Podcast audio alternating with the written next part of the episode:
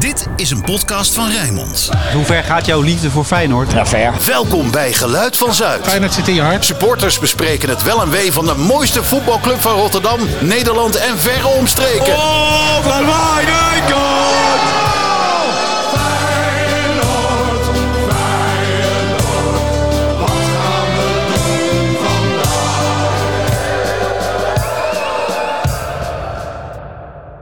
Yes, Geluid van Zuid, aflevering 34. Feyenoord, 12 points. Het is vandaag donderdag 26 oktober 2023. Feyenoord, zo gaat hij prachtig. Hou me vast, zo wordt hij fijn. Hou me vast, het is zo machtig, heerlijk kampioen te zijn. Spelen dat de ballen kraken. Speel de padden van de daken. Speel mijn hart in laai en brand, kampioen van Nederland. Dit is het eerste couplet van het kampioenslied, geschreven door Kees Rietveld. Hij was sinds 1909 lid van de vereniging, toen Feyenoord nog Wilhelmina heette. Zo schreven Paul Groenendijk en Jimmy Tiggers in het boek Het Lied van Feyenoord. Historicus Jurit van Voren beschreef dit als jinxen, avant la lettre. Ofwel het afroepen van nolo's onheil. Want inderdaad, er kwam dat seizoen helemaal geen kampioenschap. Het was een jaar te vroeg geschreven en werd dus ook nooit vertolkt. Maar nu, 100 jaar later, brengen we het alsnog ten gehore in een jaar waarin Feyenoord niet alleen kampioen van Nederland is, maar ook Europa herovert. Welkom bij een nieuwe uitzending van Geluid van Zuid met aan tafel. En godzijdank hoef ik het niet alleen te doen. Mijn naam is Dave. Want we hebben ook 30 jaar jong. Handharing. Handharing, ja. We zijn er weer. Niet En- in de file dit keer. En met 30 jaar sportjournalistiek achter de naam. Ja, 55 jaar jong. Zo. Net geworden, vorige week. En hij ziet eruit als 30. Oh, dankjewel. En hij is terug bij de show. Dankjewel. Dennis van Eersel. Ja, Goh. leuk dat ik er weer bij mag zijn. Ja, leuk dat De je laatste er bent. podcast die ik bij Rijnmond heb opgenomen, werd ik nog, eh, nog diep, diep beledigd. Dacht eh, Jesse dat ik de jaren 70 had, eh, had meegemaakt. Dus die ga je een tijdje op Rijnmond niet horen. Dat snap je ook wel. Nou, dit is een warm bad. Maar jij mag Je hoort blijven, het. Dave. Oké. Ook goed trouwens dat je dit, dit, dit meteen een one-taker, dat je het in één keer erop had, Ja, had dit-. Nu denkt iedereen dat dat juist niet zo is. eh. Ah, ja, ja. ja. Nou, het zijn altijd one-takers. Tot nu toe hebben we nog... Nou, misschien eh, gaat iemand vandaag iets zeggen wat, wat echt niet door de beugel kan. Dat zou één iemand kunnen zijn, denk ik. Ja, jij. Ja.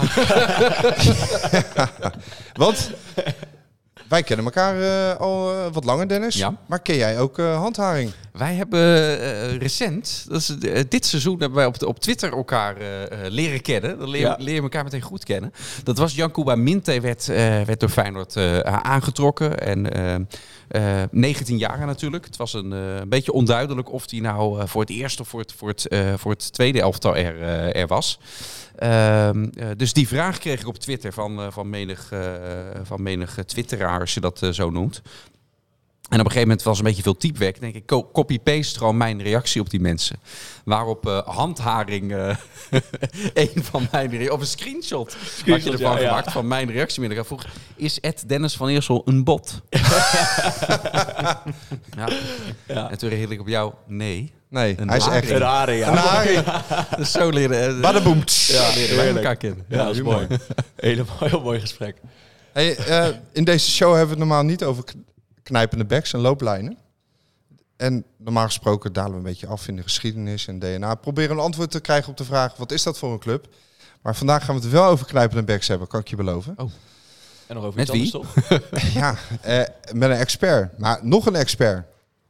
En ehm, we gaan het over het Feyenoord Songfestival hebben. Maar daarover zo wat meer. Is daarom Dennis hier? Het is, het is puur toeval, maar het, zijn- het was een heel makkelijk linkje geweest. Ja, ja, maar niks is toeval. Het is allemaal georchestreerd. Maar een vaste rubriek die altijd, eh, al gaat het nog zo goed, gaan we nog steeds op zoek naar de glimlach. En We allemaal eerst een herenrondje maken in een tangaslip. nog gelachen? Ja, zoeken we altijd nog, nog meer reden om te lachen.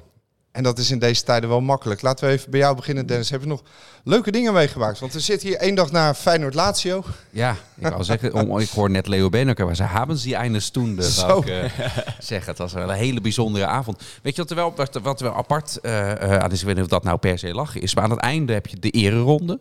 Eh, en ik weet, Feyenoord won van Sevilla of, of Juventus China. Nou, dat hele stadion was nog aan het feest vieren. na die wedstrijd, dat je mensen half van de trap af zag donderen. Dat was deze keer niet. Het was bijna, ook, ook vanuit die spelers, was het bijna, oké, klappen, rondje maken. En eh, dit is normaal tegenwoordig. Dit, dit is Feyenoord nu. En het regende niet. Dus eh, eh, we gaan gewoon weer door naar, door naar de volgende. Dat we de Champions League thuis even met 3-1 van Lazio winnen. En dat had 6-7-1 kunnen zijn. Ja, business as usual werd- werd er bijna uitgestraald. Nou, Dat is wel bijzonder. Ja. Nee, dat vond ik inderdaad, dat viel mij inderdaad ook op. Eh, het is heel, heel bijzonder. Ja. Dus, eh, vroeger vonden we dat eh, heel, heel speciaal om eh, zo'n wedstrijd te winnen. Eh, van zo'n, eh, nou toch wel grootmacht. En nu eh, is het inderdaad van, eh, ja, je, je, je, je verbaast je er al niet eens meer over. Nee, ik had het ook voorspeld 3-1, dus op zich eh Ja. zat ik in de goede richting. Ja, Het was eh, krankzinnig. Er zaten mensen naast me, eh, vriend van de show, vriendin van de show. Alice van Hanegem, die werd op een gegeven moment halverwege de tweede helft helemaal stil. Ik zeg, joh, wat is er? Ik word helemaal eh, emotioneel. Wat, wat, wat hier gebeurt. Je zit jaren naar ja, middelmaat te kijken met af en toe toch in de top, hè? In de Europese top zijn we nooit Real Madrid, Barcelona, Manchester City. Wie weet worden we het ooit, maar ja, het is toch met hangen en wurgen. Af en toe hebben we een piek en dan hebben we een beker of een kampioenschap. Maar dit is van zo'n constant hoog niveau. Het is krankzinnig. Klopt. Normaal zak het natuurlijk ook altijd naar een kampioenschap vaak in elkaar bij Feyenoord. Althans in de tijd dat ik eh, leef. Ja, niet heel veel kampioenschappen meegemaakt natuurlijk. Maar normaal was al na het jaar na het kampioenschap zak het in elkaar. En weet je, eh, derde of vierde of soms zelfs vijfde. En op Dus de, op de socials ontploft het werkelijk eh, na de wedstrijd ook van dit is het mooiste en het beste. En dan was mijn vraag aan jou eigenlijk, Dennis, kun jij dit even in een historisch perspectief plaatsen? Ja. Dit is het beste en het mooiste. Ja, hoe, hoe, ik- hoe zie jij dat? Ik ben eh, eigenlijk allergisch voor die uitspraak. Omdat ik mensen, ja, dit, dit wist je, dat is voorkennis, een van mijn stokpaardjes. Nee, ik vind dat het eigenlijk altijd onmogelijk is om, om iets wat in het heden plaatst. De wedstrijd is nog zo vers, dat is dus in het heden, om het dan al meteen in pe- historisch perspectief eh, eh, te kunnen plaatsen. Het zijn maar weinig mensen die, die dat kunnen. Maar ja, ik kan me geen wedstrijd herinneren. Eh, sinds dat ik leef, dat ik Feyenoord in een Europese wedstrijd, hè, dus een tegenstander met, met behoorlijk wat weerstand, eh, dat ik Feyenoord dan zo eh, dominant, zo de baas, zo de betere vond eh, dan, dan gisteravond in, in dit Champions League eh, duel. Dus ik neig ernaar om zelfs in dit huidige heden, deze in historisch perspectief toch al eh, Ja. in ieder geval de beste helft. Is, is, het, is het ook zo dat het voetbal wel veranderd is? Dat je het niet helemaal kunt vergelijken? We hebben nu die, eh, die wonderjongen, hoe heet die meneer Lee, die de jongens zo fysiek goed op niveau houdt. Het is allemaal sneller, fitter. Het zijn topatleten. Ja, kijk, dat, dat is wel... Dat maakt het spel misschien ook anders. Ja, en dat Geldt is, waar, dat is waarom. Jesse, wat ik avond dat, dacht dat ik de jaren 70 had eh, gezien. Want toen begon ik mijn verhaal ook met ja, in de jaren 70. Maar ik heb, ik heb dat dus nooit gezien. Schijnt Feyenoord ook zo'n hoog niveau te hebben gehad. Dat het zo dominant was. De beste, de, de rijkste club eh, ter wereld op, een- op een gegeven moment. Ja, ik heb dat nooit gezien. Maar als je beelden vanuit die jaren eh, terugziet... Ja, is het echt wel een verschilletje in het, eh, in, in het tempo hoor. Eh, dus het is zo moeilijk met elkaar eh, te vergelijken. Het voetbal van nu en het, eh, en het voetbal van toen. En dan ook nog eens een vergelijking te maken dan wie was er dan beter. Het is niet te doen. Ik zou zeggen, geniet gewoon van beide tijdsperiodes dat ze er waren. Ze bij allebei hun, eh, hun eigen waarde. ja. Mooi. Nou, volledig mee eens. Want eh, ik ben al wat ouder. Ik heb de jaren 70 wel meegemaakt. 1970 ook niet bewust. 74 begon dat al wel een beetje. En ehm, het is inderdaad niet reëel en niet eerlijk om te vergelijken. Want eh, tegenstanders zijn ook anders geworden. Het toernooi is natuurlijk veel groter, hè, Champions League. Eh, ik heb gisteren geschreven, de, de, de wedstrijd waar je het een beetje nog mee kan vergelijken... was Feyenoord-Malmö, 1979. Nou, Malmö is, natuurlijk nu een clubje van niks, maar was toen de Europa Cup 1 finalist van 79. En die werd eh, drie, vier maanden later in de Kuip gewoon met 4-0 eraf gepoetst. En dat was ook wel een wedstrijd waarvan je ook dacht van, eh, zo, Malmö, eh, dat wordt lastig hè? Het is eigenlijk dat je nu, eh, dat nu Paris Saint-Germain met zulke cijfers in, in de Kuip Nou ja, wordt gestuurd. ja, zoiets. Maar kijk, dat Malmö was natuurlijk...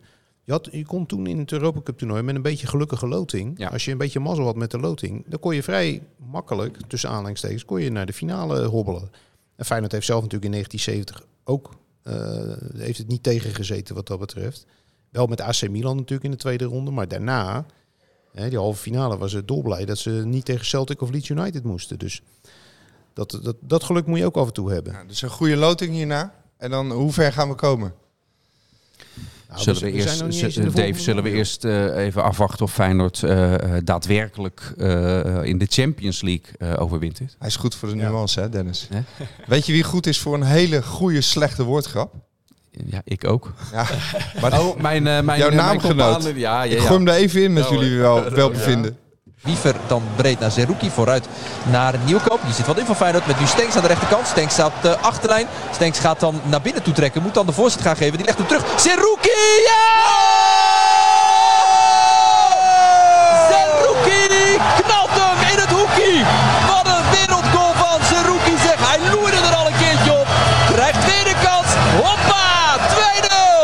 2-0! Seruki in het hoekie. Had hij hem van tevoren opgeschreven of was het, is het nee, gewoon nee. spontaan? Nee, dit zijn ik- Ik, kwaliteiten. ken Dennis, ik weet, die is heel spontaan en heel adrem met, eh, met dit soort dingen. Ja, als ik hem zo terug hoor, dan denk ik wel, die Sarri had inderdaad wel gelijk dat het een open gesticht soms, eh, soms is. Oh, nu komt er nog een. Nee, maar gaat weg. nog even door. Gekkenhuis, hè, Bulgaria. Maar eh, normaal gesproken zou je zeggen, eh, Feyenoord thuis gekhuis. We maken de tegenstander gek. eh, we jagen ze allemaal angst aan. Maar ik hoor en zie om me heen ook wel heel veel mensen die ook niet meer weten waar ze het moeten zoeken met dit Feyenoord. Omdat dit is krankzinnig, joh. Waar- zijn we naar aan het kijken, dit niveau? Het doet ook wat met je. Zeker weten. Ontregelt de geesten. Ja, bij mij al helemaal. en bij wie het volgens mij ook een beetje ontregelde was bij uh, Ver Serrano. Uh, de vriendin van Jiménez. Natuurlijk echt een waanzinnig, uh, waanzinnig, uh, waanzinnig dametje. Ja, ja, ja. Uh, ook een super lieve vrouw trouwens. Want uh, ze heeft ook uh, mij goed geholpen met filmpjes van Jiménez. Toen een uh, zoontje van een vriend van mij uh, ernstig ziek was. Heeft ze ook geregeld dat ze Jiménez een filmpje heeft ingesproken, mm. voor, ingesproken voor hem. Dat is ook heel erg mooi. Maar goed, ik heb voor mij uh, een filmpje gezien uh, vanochtend.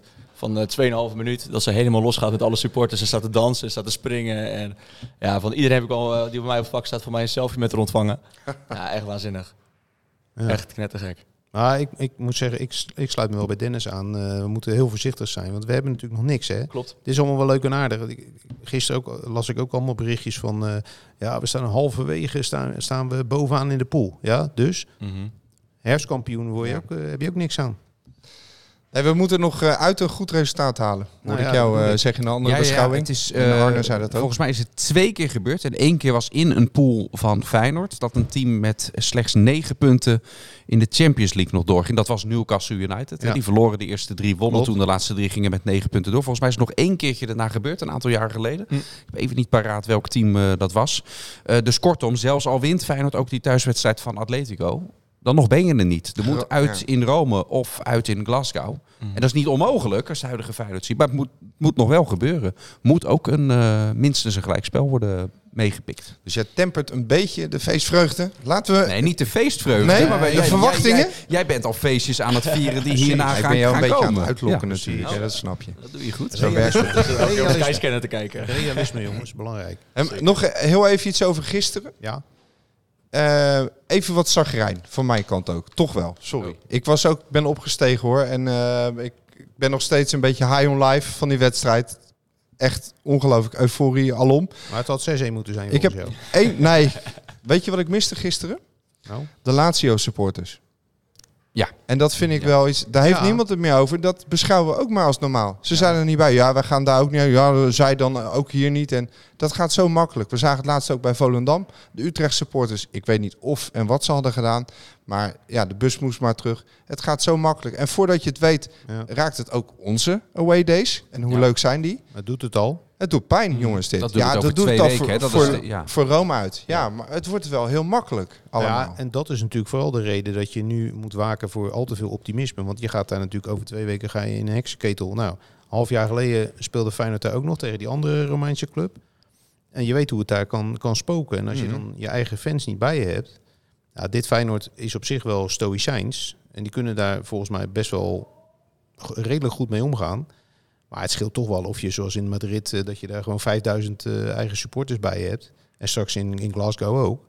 Of dat er dus helemaal niemand eh, zit. Mhm. Dat moet je niet onderschatten. Maar goed, gisteren ehm, alom feest. En Ja, dat teren we nog wel even op. ja vooral Zondag die eerste verder. helft. Ja, krankzinnig. Tempo. Nou, tempo en vooral wat, ik, wat, wat mij het meest opviel was de rust achterin. Dat ze die bal maar rond bleven spelen Ja. in het begin. Eh Lazio zette best wel hoog druk, zoals dat tegenwoordig dan heet. En toch eh, dan via Bijlo gewoon rustig eronder spelen. Helemaal geen werd nauwelijks een lange bal gegeven. Daar hebben we een analist voor. Een extra analist. Buiten de, de Feyenoord Watcher van Eersel die we hier aan tafel hebben. Die gaan we er zo even op bevragen. Kom maar op. Verder nog klachten of eh, gekke dingen opgevallen? Eh, klachten? Nou ja, eh, we hebben het in deze podcast niet zo gauw natuurlijk over, eh, over andere clubs. Gekkigheid. Ja. Maar als het om een oud Feyenoorder gaat die bij de rivaal in Amsterdam speelt, dan ja, kunnen, kunnen we een kleine glimlach toch niet onderdrukken. En een grote, kun je die wel onderdrukken? een grote bij sommigen inderdaad, ja. Nee, maar ehm, ik, ik, ik, vind het wel een beetje eh, ja, lachwekkend om, te zien hoe het daar nu gaat. Eh, iedereen valt over elkaar heen. Eh, je weet niet meer wie je moet geloven. En onze vriend eh, Berghuis, die, hè, dat vonden we toen met z'n allen verschrikkelijk dat hij wegging. Want ja, de, de beste speler gaat weg. En hoe moet het nou verder? Nou, je hebt het gezien. En die gaat nu, nu daar ook gewoon het vuurtje opstoken als het even niet tegen zit. En, Wordt ja. gezegd, wordt geschreven. Nou, wordt gezegd, wordt geschreven. Je kon natuurlijk zondag, eh, ik, ik weet niet of je de wedstrijd gezien hebt. Ja, hij is toen verzet die geen stap. Ja. Nou, het was gewoon werkweigering. Ja. Zo opzichtig, gewoon, Ja. gewoon niks doen. En dan denk ik van ja, eh, je bent wel profvoetballer hè. Het is wel gewoon je werk. Dus je hoort dat gewoon, ook al via de trainer een lul.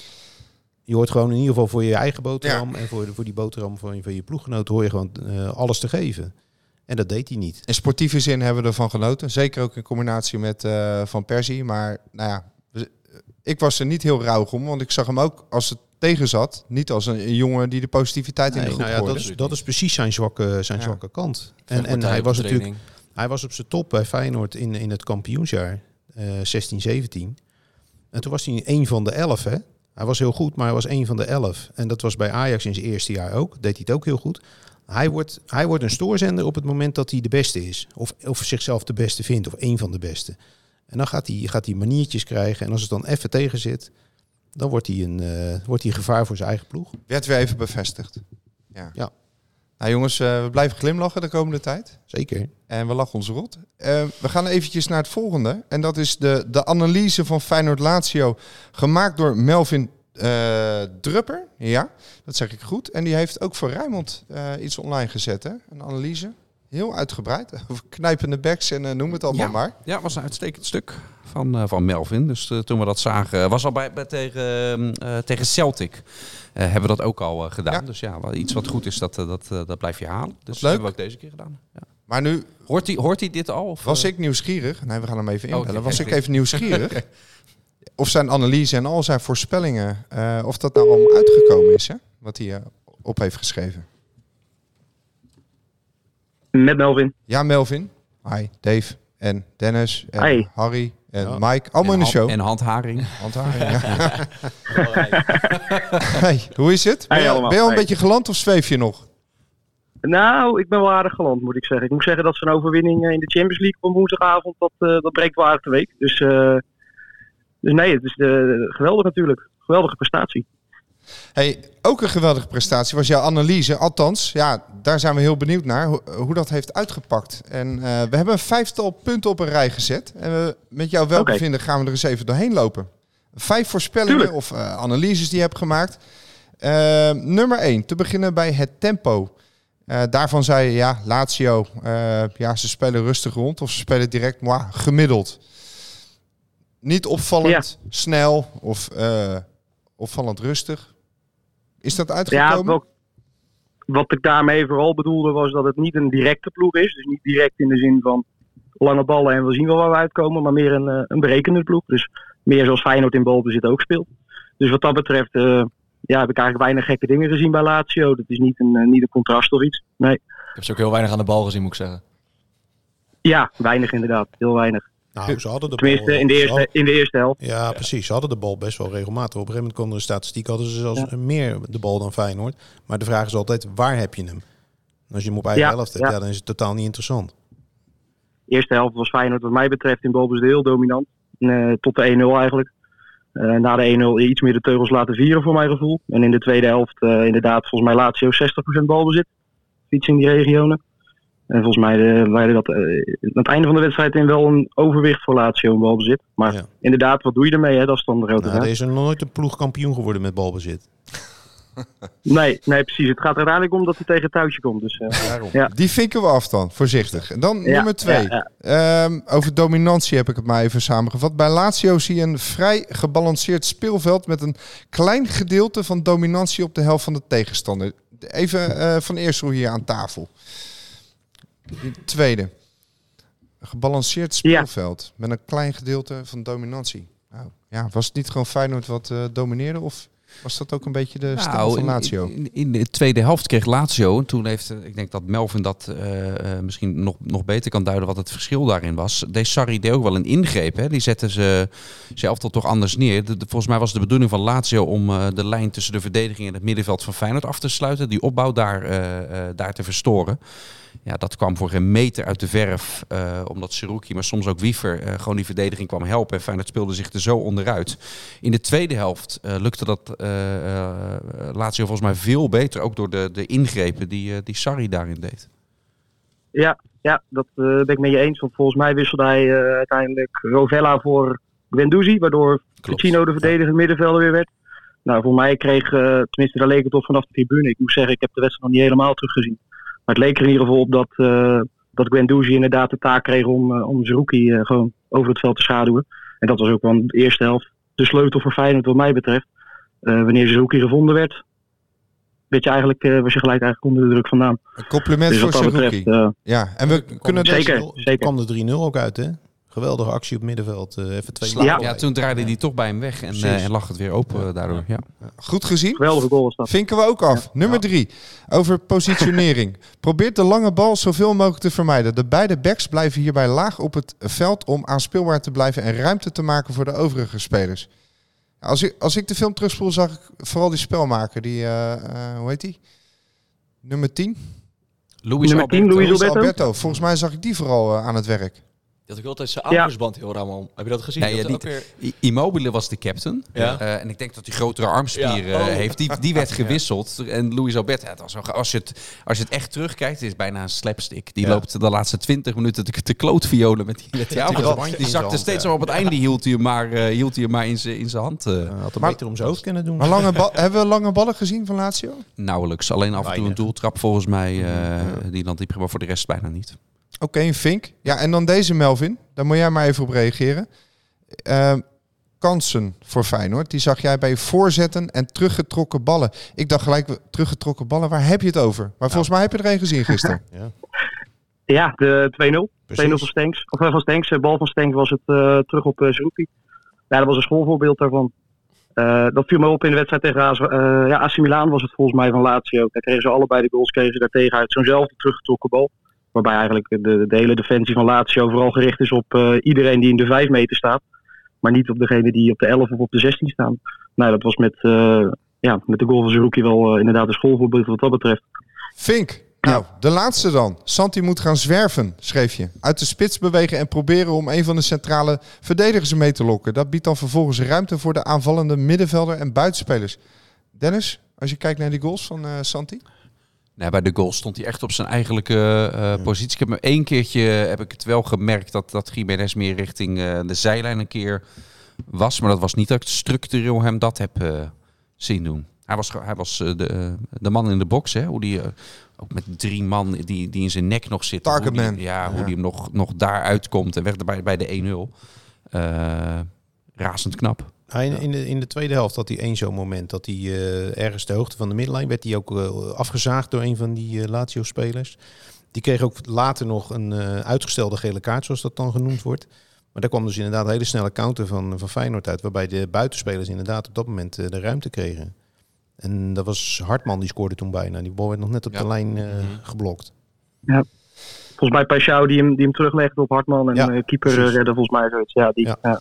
Nou ja, Melvin, dit doe jij dus vaker. Hè? Dat, je bent al een keer eerder eh ter sprake gekomen hier in de show. Maar Ja, dit gaan we nog klopt. vaker van jou eh, voorbij mogen zien komen op Rijmond en X.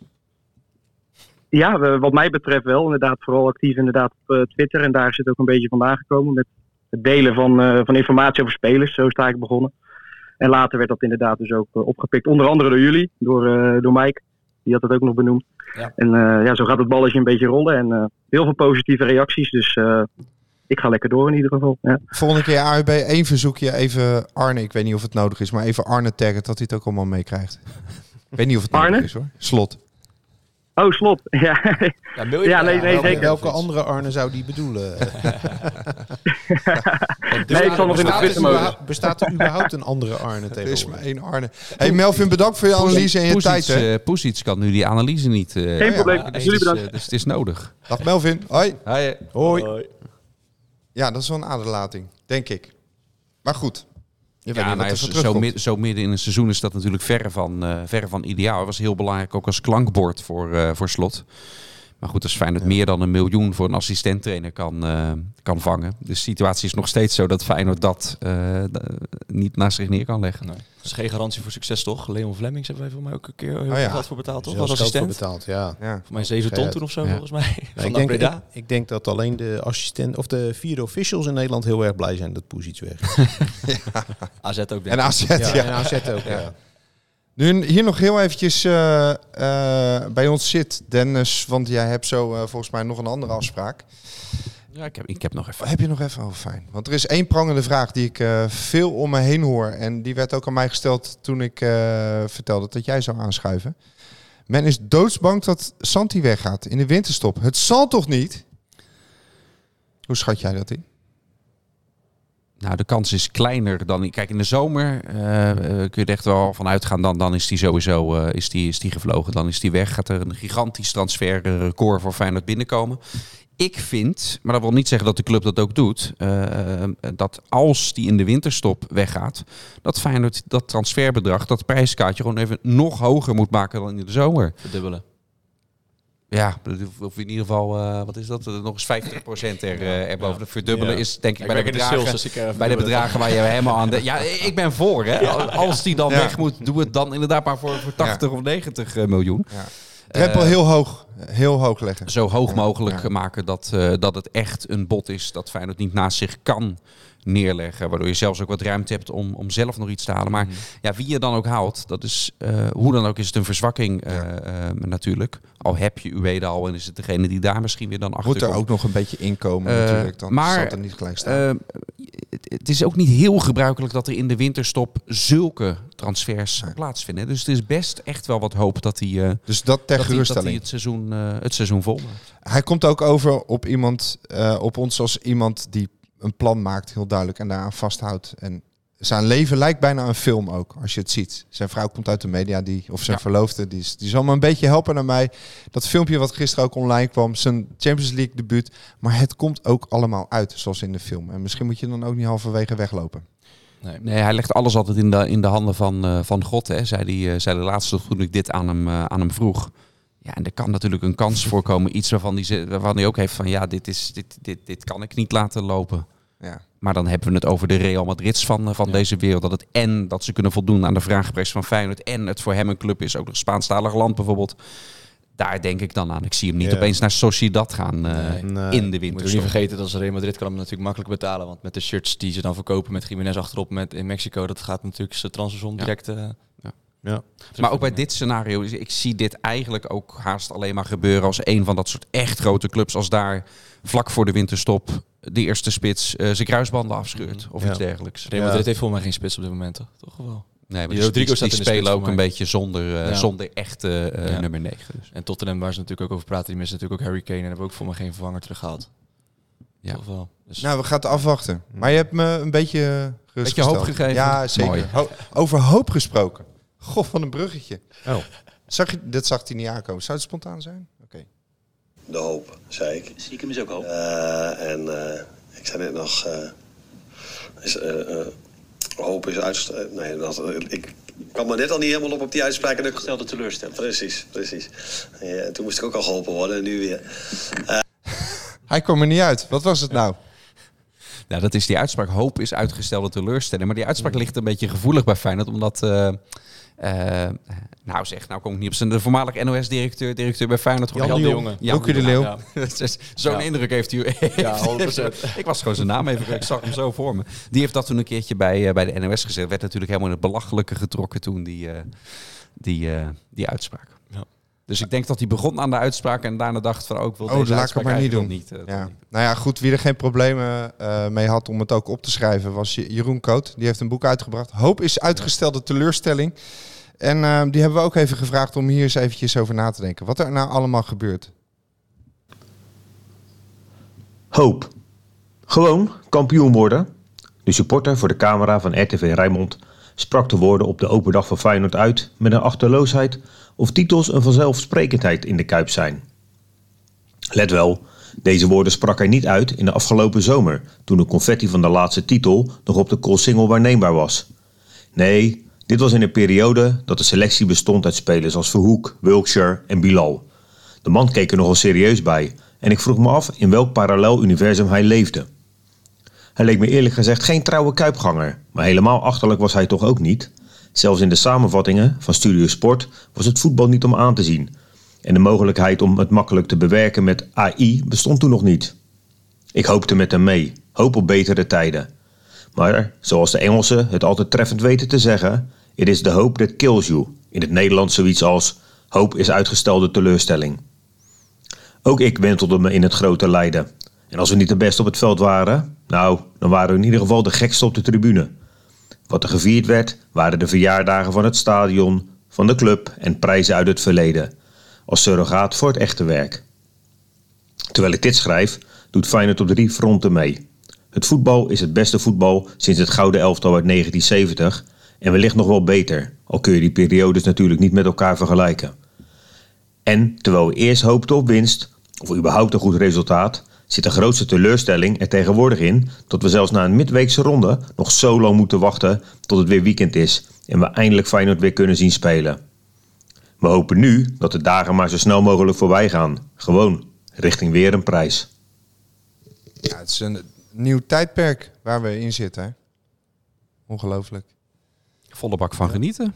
Dat doe ik in ieder geval, eh, in ieder geval wel. Wat er doodeng aan is, is dat je ook denkt... God, straks vallen we weer terug naar eh, hoe het was. Je raakt, je raakt er ook aan verslaafd, hè? Zeker weten, ja. Ja. We hebben een podcast over gemaakt. We gaan niet meer pessimistisch. We, ga- en, we eh, gaan niet meer pessimistisch? Nee, nee, nee, nee. nee. Oh. Oké. Gaat Nou helemaal goed komen. Ja, maar dat zit toch een beetje in, de- in het DNA eh, ingebakken natuurlijk. Ja. Hè? Wat, eh, waar we het al eerder over hadden. Dat, eh, en dat zei je zelf net ook, van na een kampioenschap. Hè, of, of, ik, heb, ik heb ook heel veel voorbeelden uit het verleden vaak aangehaald. Dat als Feyenoord een, wereldprestatie leverde... waar zelfs erkende Feyenoord-haters eh, complimenten voor hadden... dan een week later dan gooiden ze zichzelf weer eh, voor de trein. En dan... eh, eh, heel die, eh, al die goodwill werd dan weer verspeeld. Ja. Het is een... eh, Het gaat op een gegeven moment, denk ik, essentieel moment in die ontwikkeling gaat zijn. Wat gebeurt er als Arne Slot? En die gaat op een gegeven moment gaat hij weg natuurlijk bij Feyenoord. En dan komt er een opvolger. En hoe gaat het dan eh, lopen? Dat gaat denk ik een heel erg belangrijk en eh, bepalend moment. En het technisch beleid natuurlijk nu ook door... eh, Ja, maar dat, dat, dat, Ja. dat ligt op zich wel. En dat, dat heeft Slot ook aangegeven. Die, die, die tempert het ook altijd een beetje van hoe belangrijk hij dan, eh, hij dan is. Eh, alleen ja, je moet het ook maar kunnen uitvoeren zoals hij het zoals hij doet. Dus ik geloof echt in dat plan wat er ook ligt. Alleen ja, vindt Feyenoord weer de juiste match daarna? Ja. Maar hopelijk duurt dat nog even voordat die discussie... eh, Een suggestie op de Inderdaad. tribune die ik gisteren hoorde was... eh, ehm, hij deed op een gegeven moment Simeone een beetje na. Hè? Hij Begon, eh, daar heeft hij ook van geleerd, heeft hij zelf gezegd. Hij begon het publiek op te jutten toen hij dacht, we hebben dit nodig. Simeone krijgt volgens mij 40 miljoen per jaar. Ja, maar we willen toch niet zo'n uh, neuroot langs de lijn hebben, joh. Nee, nee, Nee, ik nee, bedoel hij- dat hij je bedoelt dat Arne een contract, een contract geeft. moet Oh, geven, ja, waardoor ja. hij geen reden heeft om, om ooit weg te gaan. Oké, nee, dat, eh, dat, dat verandert de zaak. Nou, goed. Ik had ook nog een filmpje gezien van John de Wolf die eh, obscure gebaren deed eh, toen Feyenoord scoorde naar de bank van Lazio. Oh ja? Ja, heb ik ook gezien, ja. Ja, ja, ja. Was Ja, maar dat betekent in Italië betekent dat vast heel iets anders. Wat jij nu, eh, Ja, ik eh, bestel wel eens twee bier in Engeland en dan eh, krijg ik ook ruzie. Ehm, we gaan wat anders Altijd- doen, jongens. Altijd drie bestellen. We gaan even Jurrit bellen van voren. Zoals reeds aangekondigd. Hallo Jurrit. Een goede middag. Hoi. Goedemiddag, hallo. Wij bellen jou eventjes, want ehm, dat hadden we afgesproken. En de aanleiding is, Jazeker. is natuurlijk, eh, jij hebt iets eh, opgeduikeld weer in een of ander stoffig archief. Of waar heb je het gevonden, dat lied, die tekst, die ineens online kwam overal? In het Feyenoord-archief. Dat is voor mij niet zo stoffig hoor. Dat is het eh, archief van het clubblad De Feyenoorder. En dat staat helemaal online. En dat kan je dus ook als buitenstaander bekijken. En dat doe je op de website Delver. Delver.nl. Ah. Dan Delver met PH. PH, En ja. iedereen kan daarin zoeken. En zo vond ik in het eh, nummer van maart 1923 het kampioenslied van Feyenoord. In het jaar dat Feyenoord geen kampioen werd. Ongelooflijk, ja. Nou ja, ik, ik zei wel gekscherend stoffig. Ehm, maar we weten allemaal, jij bent eh, ook een van de drijvende krachten achter sportgeschiedenis.nl. Waar je heel veel mooie verhalen kunt vinden eh, uit het verleden. Die belangrijk zijn ook om het heden te duiden. Mag ik het zo zeggen? Jazeker, en ook omdat ik het gewoon erg leuk vind eigenlijk. Ik lees liever de krant van 1908 dan die van vandaag. Nou, die van vandaag was ook wel leuk hoor. Ja, dan moet ik zeggen dat dat wel weer het geval is. Ja. Maar ik Ja, had het eigenlijk toch ook al wel, ja. gevolgd via internet. Ja, soms Ja. hoef je niet 30 jaar te wachten om op sport terug te kijken. Vandaag was het al leuk om op gisteravond terug te Ja, nee, kijken. de, sp- de sport met name. We zitten hier met er, Dennis. zijn, er zijn ook kranten in het verleden, die zijn ook niet zo gezellig hoor. Ergens in de midden jaren 30 en zo. Dat, vind ik ook niet zo fijn. Nee, nee, nee, maar het is ook niet zo dat ik alle kranten lees omdat ik het gezellig vind. Oh, maar juist ook om het gewoon eens te bekijken van hoe schreven ze dan Ja. over en waarom deden ze dat en zo. Hè. Dat is, eh, het is niet omdat ik denk, joh, dat wil ik nu eigenlijk wel weer opnieuw. Nou, fijn dat je dat hebt weg. We dwalen af. Maar ja, we zitten Goed, hier met, met Mike en Dennis en, en Harry ehm, klaar om te luisteren naar wat inzendingen. Want je hebt die bladmuziek gevonden en online gegooid met de vraag... Ja, eh, ik heb het hier allemaal op papier staan, maar breng het eens tot leven, jongens. Want dat is nooit gebeurd. Want het was bedoeld als kampioenslied, maar Feyenoord werd geen kampioen.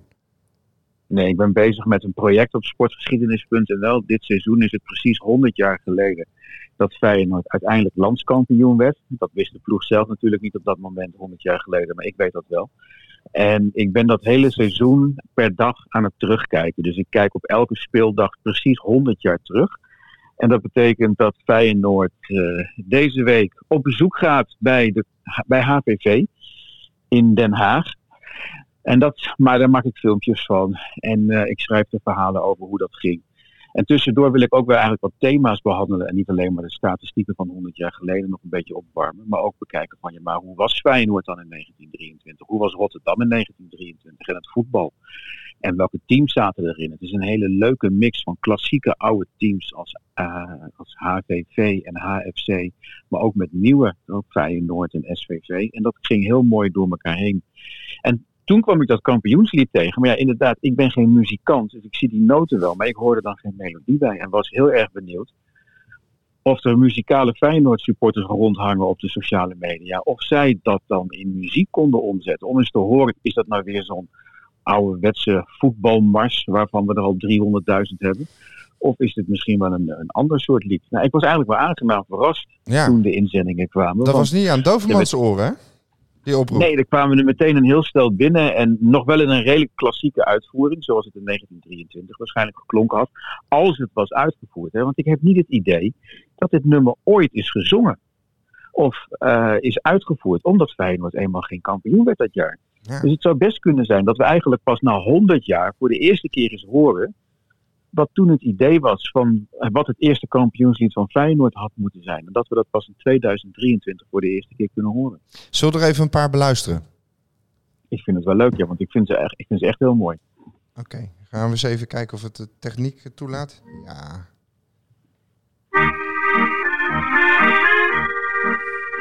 Gijs Ik ga niet meezingen. Ik ga niet meezingen, maar ik zal de tekst er wel bij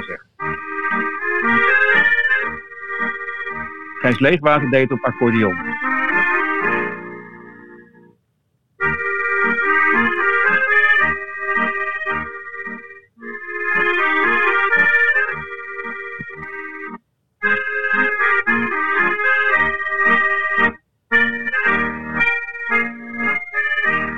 Nou, het is vrolijk, hè? Zeker. Het einde.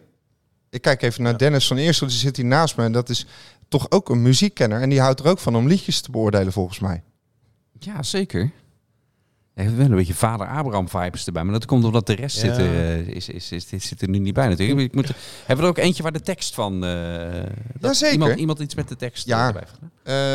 Eh Piepe, Guido van den Berg, een bekende Ah, Excelsior-man, hè? Ja, ja, ja.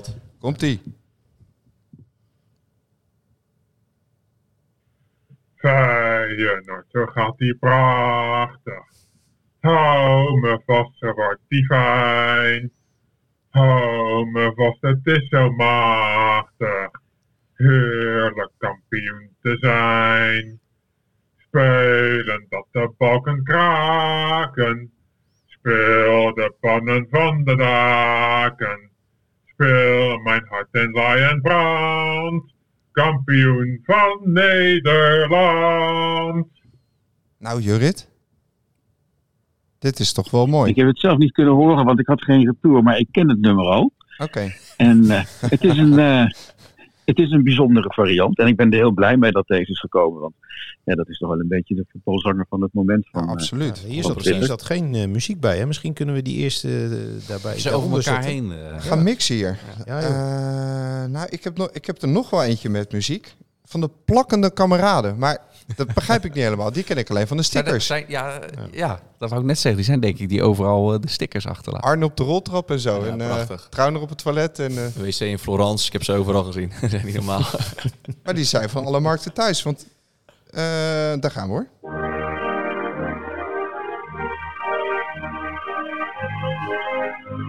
Orgel Joken. Nou, dit klinkt alsof het onder water is opgenomen. Ze waren op een wc een stickertje aan het plakken. Ja, waarschijnlijk. En dan aan het doortrekken.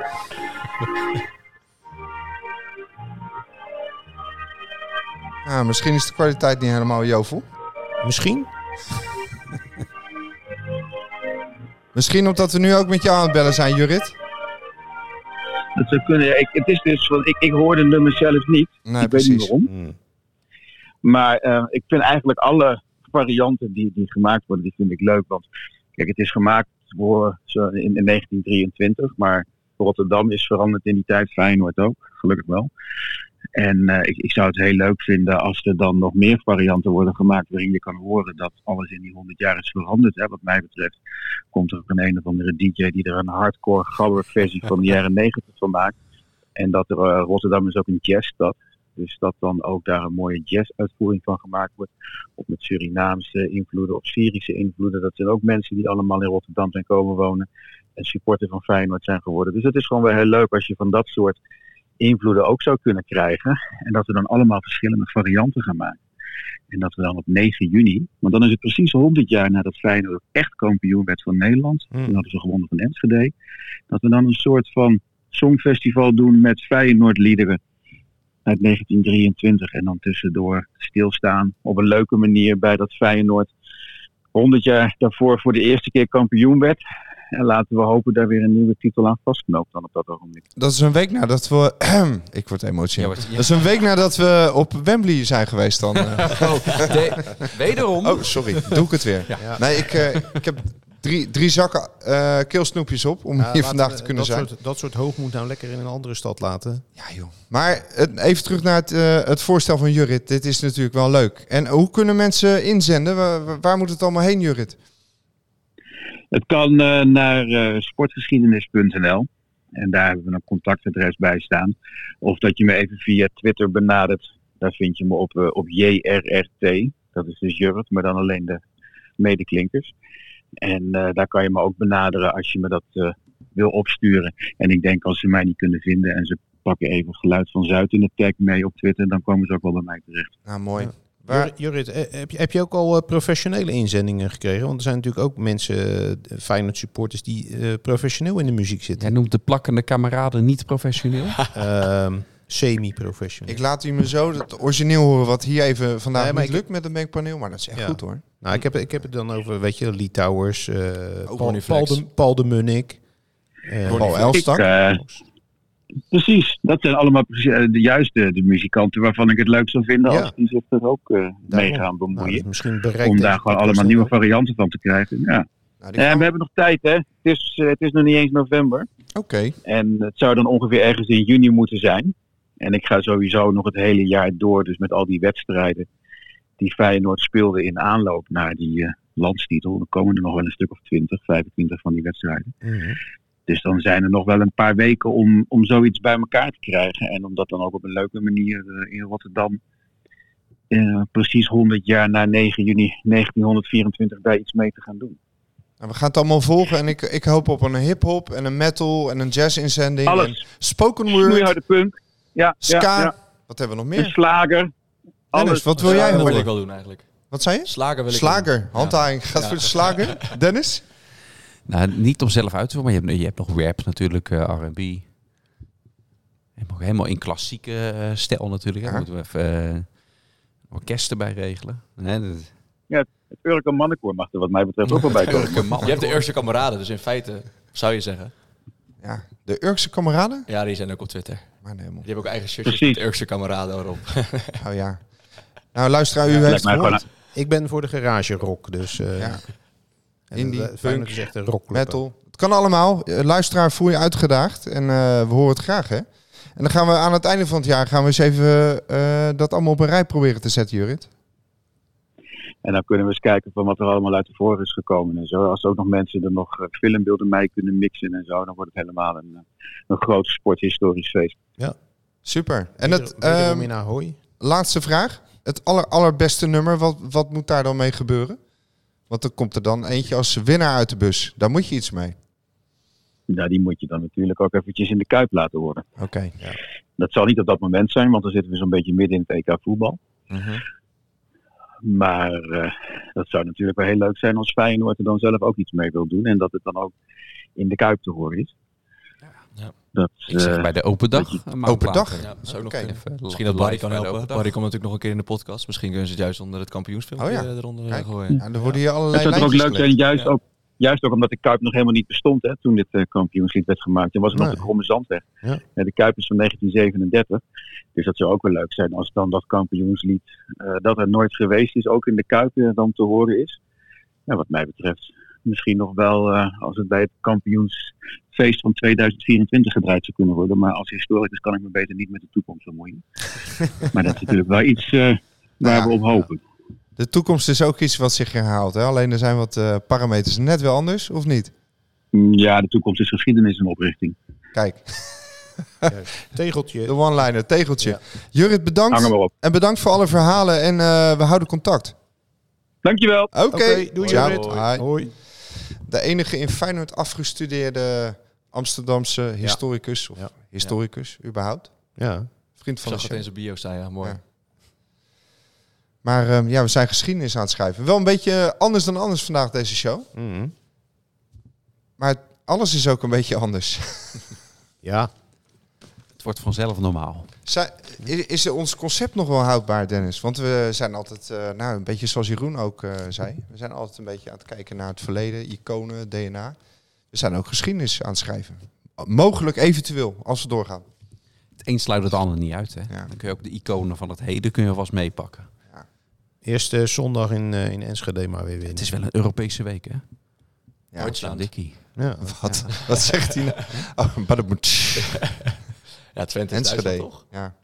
Dat bedoelde je, Dat toch? was, niet? Ja, ja, dat was dat was de ik grap. Ja, ja, ja, ja. uit- Hij was, ik, ben, ik Ja. sta ook bekend om mijn Ja, ja. subtiliteit. eh, ja. Ik ben blij dat je hem even uitlegt. Ja.